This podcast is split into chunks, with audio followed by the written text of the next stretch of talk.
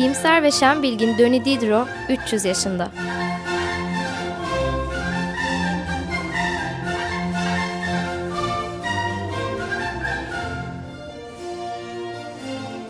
Hazırlayıp sunan Evren Asena.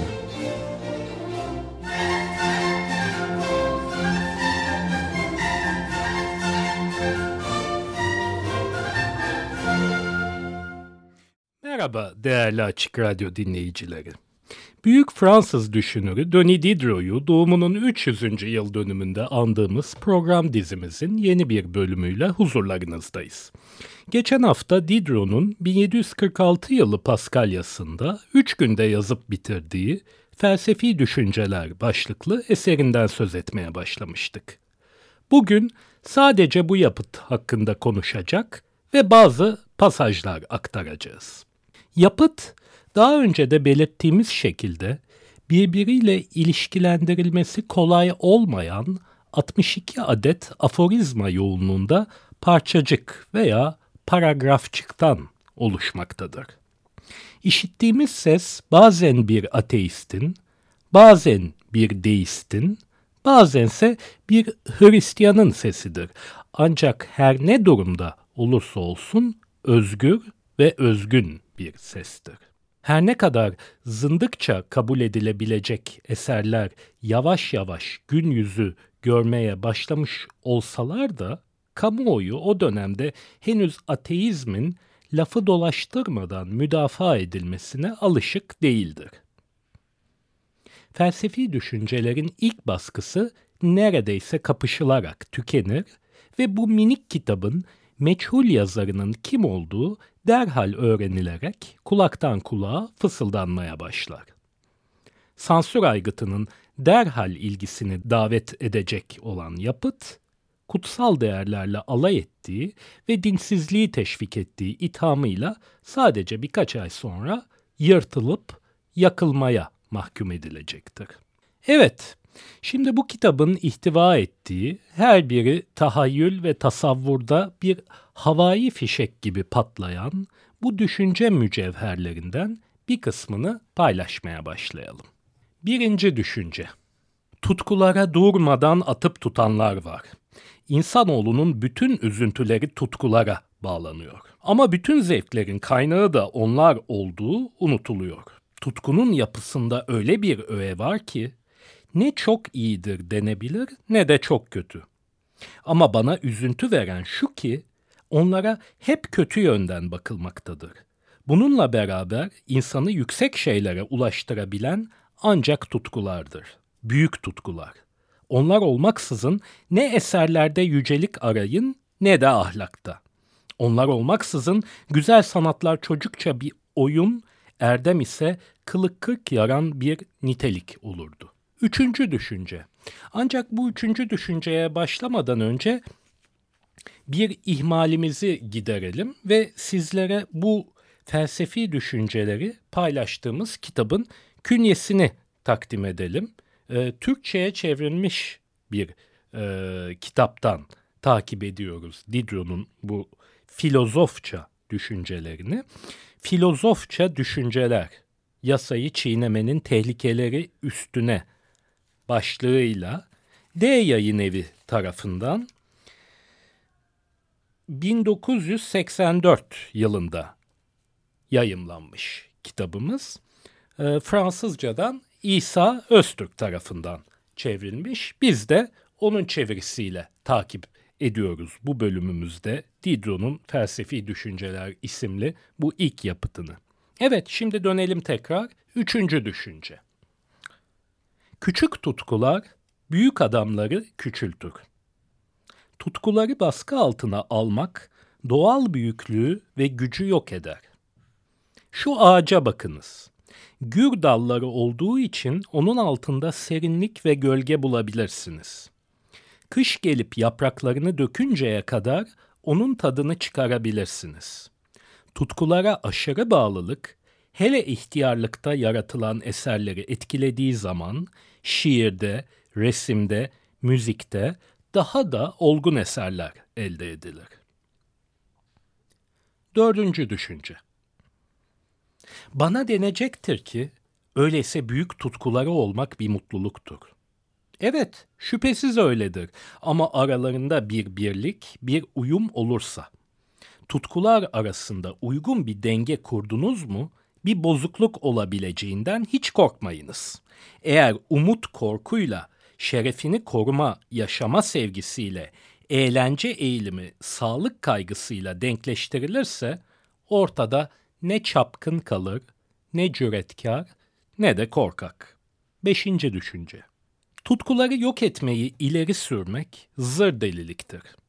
Hiçbir şey istememek, hiçbir şey sevmemek, hiçbir şey duymamak için bir cezbeli gibi kendine eziyet eden son sofunun bu tatlı hayali gerçekleşmiş olsaydı ortaya tam bir ucube çıkmış olurdu.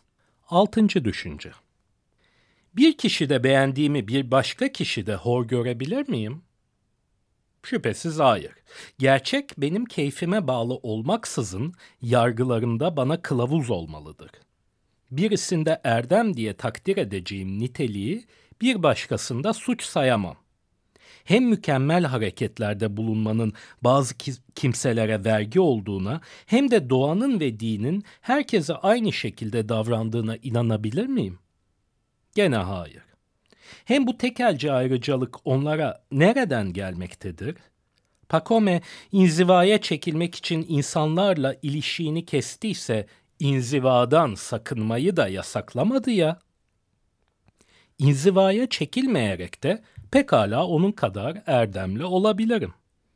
Doğrusu benim gibi daha yüz kişinin aynı hakkı niçin kendilerinde göremeyeceğini anlamıyorum bütün bir ilin toplumdaki tehlikelerden ürkerek ormanlara, kuytuluklara çekildiklerini görmek pek hoş olurdu doğrusu.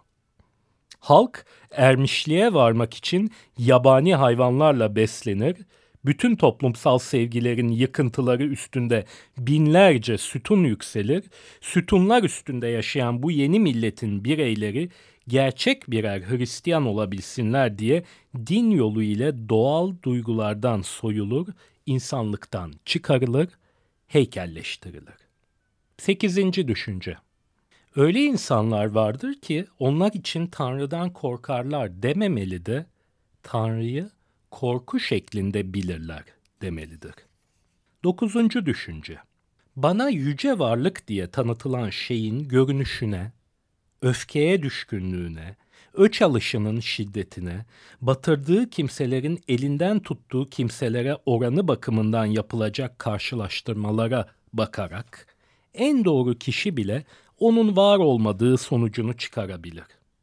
İnsanlar öte dünyada korkacak hiçbir şey olmadığına inanabilseydiler, bu dünyada daha rahat olurlardı. Tanrı yoktur düşüncesi hiç kimseyi korkutmaz. Ama ya dedikleri gibi birisi varsa düşüncesi insanı korkutur. Onuncu düşünce. Tanrı'yı ne çok iyi olarak düşünmeli ne de kötü. Adalet, rahmetle lanetin orta yerindedir. Nasıl ki bitmiş acılar ceza görmemekle sonsuz cehennem işkencesi arasındaysa. 13. düşünce. Tanrı tanımaza yalnız Tanrı'ya inanan kişi kafa tutabilir tutkulara aşırı bağlılığı olan kişide o güç yoktur. Onun tanrısı bir kuruntu, bir hayal ürünüdür. Maddenin ortaya koyduğu engeller hesaba katılmasa bile kavramlarının boşluğunu, kofluğunu açığa vuran bir yığın engelle gene de karşı karşıya kalır. Bir Vanini için Cudworth, bir Shaftesbury dünyanın bütün Nikol'lerinden, Pascal'larından bin kat daha sıkıcı olurdu. 15. düşünce. İnsanın Tanrı tarafından yaratıldığı boş bir inançtır. Dünyanın öncesiz ve sonsuz olduğu, ruhun ölümsüzlüğünden daha az akla yatkın değildir. Çünkü hareketin ilkesi sakınım olduğu halde bu evreni nasıl meydana getirebildiğini anlamıyorum. Hiç gereği yokken varsayılan bir varlığı ileri sürüp bu güçlüğü yenmeye çalışmaksa gülünç olmaktır o varsayılanı anlamanın yolu da yoktur ya. Madde dünyasında göze çarpan harikulade şeyler üstün bir zekanın varlığına kanıt sayılsa bile manevi dünyada göze çarpan bozukluklar Tanrı kavramını yok etmeye gene de yeter. Diyorum ki her şey bir Tanrı eseri ise her şeyin olabildiği kadar iyi olması gerekir. Çünkü her şey olabildiği kadar iyi değilse ya Tanrı'nın buna gücü yetmiyor ya da bunu isteyerek kötü yapmıştır. Onun varlığını ortaya çıkarmak için bundan daha iyi bir yöntem olamaz. Soruyu bu şekilde ortaya koyduktan sonra sizin tanrısal nurunuzla bir alışverişe de yer kalmaz. Eğer kralların en iyisi Britannicus'un öldürülmesi ve insanların en kötüsü Nero'nun kral oluşu iyi bir şey olsaydı, zayıf bir ihtimal de olsa her kötülüğün kaynağı bir iyiliktir sonucuna varılabilirdi. Benzer araçlar kullanmaksızın aynı amaca ulaşmanın imkansız olduğu nasıl ispat edilebilir?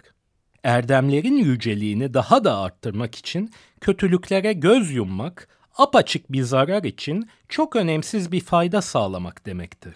İşte ileri sürdüğüm sorular bunlar. Nasıl karşılık vereceksiniz bunlara? Ben kötü bir kişiyim, Tanrı'dan korkacak yanım olmasaydı onunla savaşmazdım. Bu cümleyi hatiplere bırakalım. Bu söz gerçeği sarsabilir. Üstelik bunda çok az hoşgörü var. Bir kimse Tanrı'ya inanmıyor diye ona sövmeye hakkımız var mı?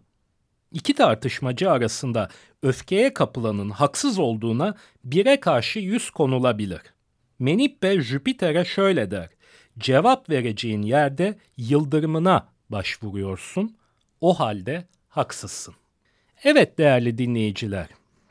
Şimdi bir müzik arası verelim dilerseniz. Ramo dinlemeye devam ediyoruz. Lezen Galant başlıklı orkestra suitelerinden. Bugün Air, Air pour les esclaves africains yani e, Afrikalı köleler için hava ya da e, ezgi başlıklı e, suite'i La Chapelle Royale e, orkestrasından Philip Hervehe yönetiminde dinliyoruz. Tekrar merhabalar değerli Açık Radyo dinleyicileri. 94.9 Açık Radyo'da iyimser ve şen bilgin Doni Didro 300 yaşında başlıklı program dizimizin yeni bir bölümünde bir müzik arasının ardından tekrar beraberiz. Bugün Diderot'un Felsefi Düşünceler başlıklı ilk yapıtından kimi parçaları sizlerle paylaşıyoruz. Kullandığımız kaynak Filozofça Düşünceler başlığıyla 1984 yılında D Yayın Evi tarafından basılmış e, İsa Öztürk'ün çevirdiği metin. Evet, 16. düşünce. Bir gün birine sormuşlar, gerçek Tanrı tanımaz var mı diye. Gerçek Hristiyan bulunduğuna inanıyor musunuz diye cevap vermiş. 22. düşünce. Ben Tanrı tanımazları üç kısma ayırıyorum. Bir kısmı açıkça Tanrı yoktur der ve öyle düşünürler. Bunlar gerçek Tanrı tanımazlardır.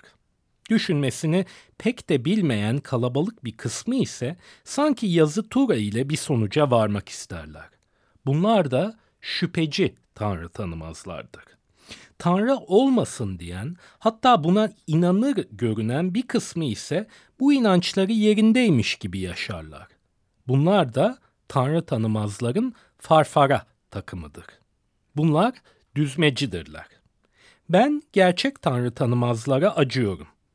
Onlar için hiçbir avunma yolu görünmüyor. Şüpheciler içinse Tanrı'ya dua ediyorum. Onlar aydınlıktan yoksundurlar. 24. düşünce. Şüphecilik herkese elverişli değildir. Şüphecilik derin ve karşılıksız bir sınavdır.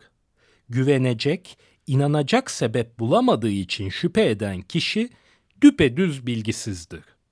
Gerçek şüphecinin dayandığı ve hesaba kattığı sebepler vardır. Düşüncelerini bir şeye dayandırmak küçük bir iş değildir. Hangimiz onun değerini tam olarak biliyoruz? Aynı gerçek için yüz kanıt getirilse her kanıta inanan ayrı biri çıkıyor. Her kafanın kendine göre bir görüşü vardır. Şu itiraz benim gözümde kocaman olduğu halde size gözükmeyebilir bile. Benim ağırlığı altında eğildiğim bir yükü siz hafif bulursunuz. Asıl değerler konusunda birbirimizden ayrılırsak, görece değerler konusunda nasıl anlaşabiliriz? Söyleyiniz bakalım, metafizik bir sonuçla denkleşebilmek için kaç ahlaksal kanıt gereklidir? Yanlış gören benim gözlerim mi yoksa sizinkiler mi? Madem ki sebepleri tartıp değerlendirmek bu kadar güçtür ve madem ki onların lehte veya aleyhte kullanılması söz konusu değildir ki olsa bile eşit ölçüdedir. Öyleyse niçin çabucak kestirip atıyoruz? Bu kararlı davranış bize nereden geliyor? Dogmatik yeterliğin insanı çileden çıkardığını yüzlerce defa denemedik mi? Denemeler yazarı Montaigne der ki olağan şeyler bana kesin ve değişmez şeyler diye dayatılırsa onlardan nefret ederim. Sözlerimizdeki kesinliği yumuşatan, tesadüfen hiçbir zaman bazen denebilir ki düşünüyorum ki gibi sözcükleri pek severim. Eğer ben çocuk eğiticisi olsaydım onlara bu ne demektir, anlamıyorum, olabilir, doğru mu gibi kesinlik taşımayan sorucu sözcükler öğretirdim ki 15 yaşındayken bilgin ağzı kullanacaklarına 60'ında bile bir çırak havası taşıyabilsinler. 25. düşünce Tanrı nedir? Çocuklara sorulan bu soruyu yanıtlamakta filozoflar bile güçlük çeker. Çocuğun hangi yaşta okumaya, şarkı söylemeye, oyun oynamaya, Latinceye, din bilgisine başlaması gerektiğini herkes bilir. Dinsel konuları öğretmeye gelince çocuğun yaşına başına kimse bakmaz. Daha bir şeyler anlamaya başlar başlamaz hemen sorulur. Tanrı nedir? Aynı anda hatta aynı ağızdan cinler, periler, hortlaklar, gulyabaniler ve bir de Tanrı bulunduğunu öğrenir çocuk. En önemli gerçeklerden biri ileride bir gün sağduyusunu ayaklandıracak şekilde zorla kafasına sokulur. Gerçekten de 20 yaşında bir genç kafasında Tanrı'nın varlığı ile bir yığın boş inancı birbirine karışmış bulunca onu tanıyamıyorsa, bilemiyorsa ve yargıçlarımızın bir sürü namussuz arasında nasılsa içeri tıkılmış olan namuslu bir kişiye davrandıkları gibi davranıyorsa bunda şaşılacak ne vardır? 26. düşünce Tanrı bize çok erken anlatılıyor. Ayrıca varlığı üstünde de yeteri kadar durulmuyor. İnsanlar Tanrı'yı aralarından uzaklaştırarak bir tapınağa kapatıyorlar. Tapınağın duvarları onun görüşünü sınırlandırıyor. Bu sınırın dışında hiçbir zaman var olamıyor. Ne kadar sağduyusuz olursanız olunuz, düşüncelerinizi daraltan bu bağları koparınız. Tanrı'yı yaygınlaştırınız. Onu bulunduğu her yerde görünüz ya da bulunmadığını söyleyiniz. Eğer eğitecek bir çocuğum olsaydı, Tanrı'yı ona gerçek bir arkadaş yapardım. Ondan büsbütün yoksun olmaktansa Tanrı tanımaz olmak belki de onun için daha az eksiklik olurdu. Bazen kendisinden daha kötü bildiği başka bir şeyi, başka bir kimseyi ona örnek ona örnek gösterecek yerde kabaca derdim ki Tanrı Tanrı seni dinliyor. Yalan söylüyorsun. Gençler duygularına kapılmak isterler. Ben de onların çevresini tanrısal varlığın açık belirtileriyle donatırdım. Örneğin benim evimde toplanmışsak orada aramızda Tanrı'ya da bir yer ayırır ve öğrencime şöyle derdim. Burada dört kişiyiz. Tanrı, dostum, bizi yöneten kişi ve ben. 28. düşünce Ateşli kişiler şüphecinin tasasızlığı ile bağdaşamazlar. Onlar hiçbir seçme yapmamaktansa rastgele de olsa bir seçme yapmayı, belirsizlik içinde olmaktansa aldanmayı severler. Kendi kollarını hor görseler de, suların derinliğinden korksalar da, zayıflığını bile bile gene suya uzanan dallara tutunurlar. Kendilerini akıntıya bırakmaktansa dallara takılı kalmayı tercih ederler. Hiçbir şeyi temelli incelemedikleri halde her şeye güvenirler. Hiçbir şeyden şüphe etmezler çünkü bunun için ne sabırları vardır ne de yürekleri. Karara vardıkları pek az konu arasında rastgele gerçekle karşılaşınca onu gözü kapalı değil de sanki tanrısal bir esin ile ansızın bulmuşlardır. Onlar dogmatik kişilerdendir. Somsofular onlara meczup derler. Ruh dinginliği, sükuneti ile kararsızlığı nasıl birleştirebileceklerini kestiremeyen bu çeşit tedirgin kişileri çok gördüm. İnsan ne olduğunu, nereden geldiğini, nereye gittiğini, dünyaya niçin geldiğini bilmeksizin mutlu yaşamanın bir yolunu bulsa. Şüpheci kişi bütün bunları bilmemekle övündüğünü söyler. Hem de mutsuz olmadan. Durumumu öğrenmek istediğim zaman varlığımın sebebini bulamayışım benim kabahatim değildir ki. Bilinmesi benim için imkansız olan bir şeyi hayatım boyunca bilemeyeceğim. Bundan üzüntü de duymayacağım. Şüphesiz yoksun olduğuma göre benim için çok gerekli olmayan, edinemeyeceğim bilgilere ulaşamıyorum diye niçin üzülecekmişim ki? Çağımızın ileri gelen dealarından biri şöyle der. Dört gözüm, dört ayağım, iki kanadım olmadığı için nasıl üzülmüyorsam, bunun için de üzülmem gerekmez.'' Burada bu 28. düşüncede Diderot'un çağımızın ileri gelen dealarından biri diye andığı figürün Voltaire olduğunu belirtelim. 39. düşünce Gerçek şehit ölümü bekler.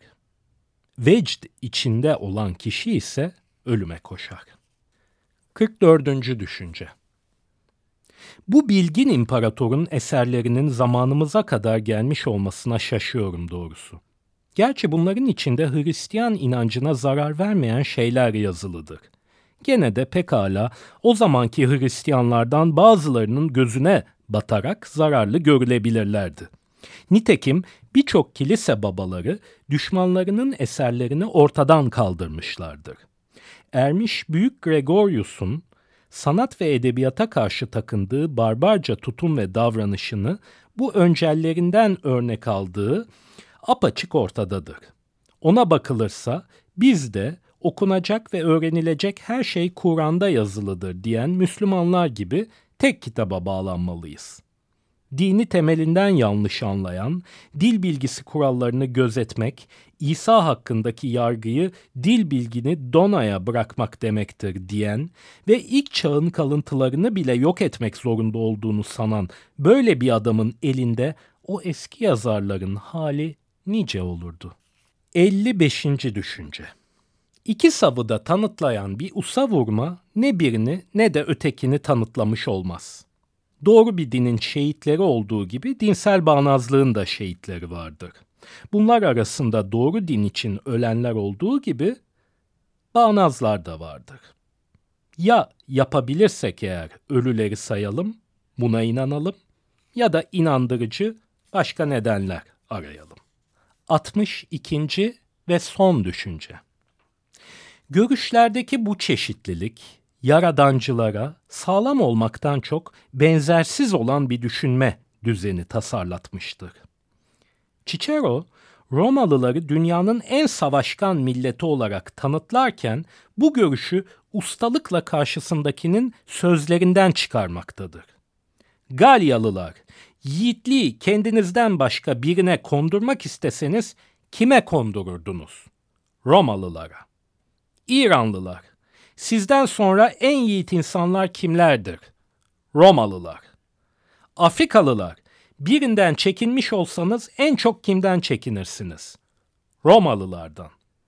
Biz de onun gibi tekmil dincilere sorsak hepsi yaradancıları göstereceklerdir. Çinliler.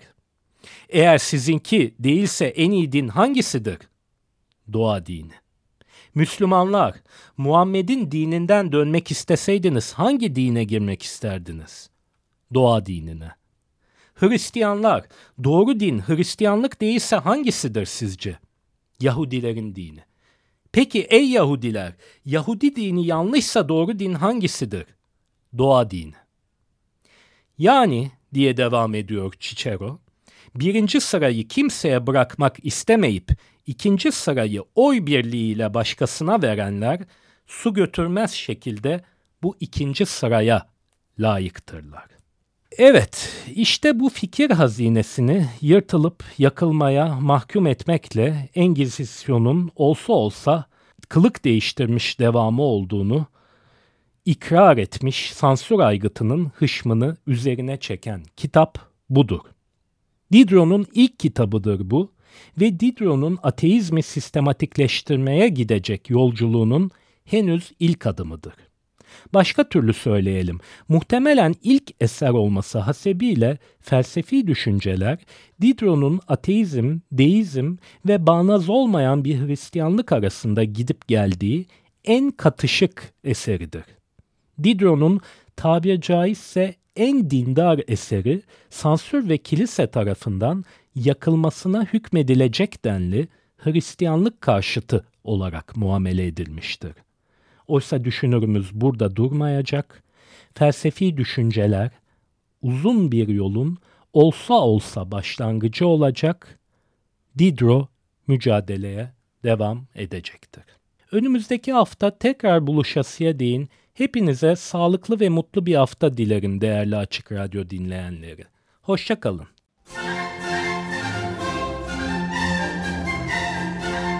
İyimser ve şen bilgin Döni Diderot 300 yaşında.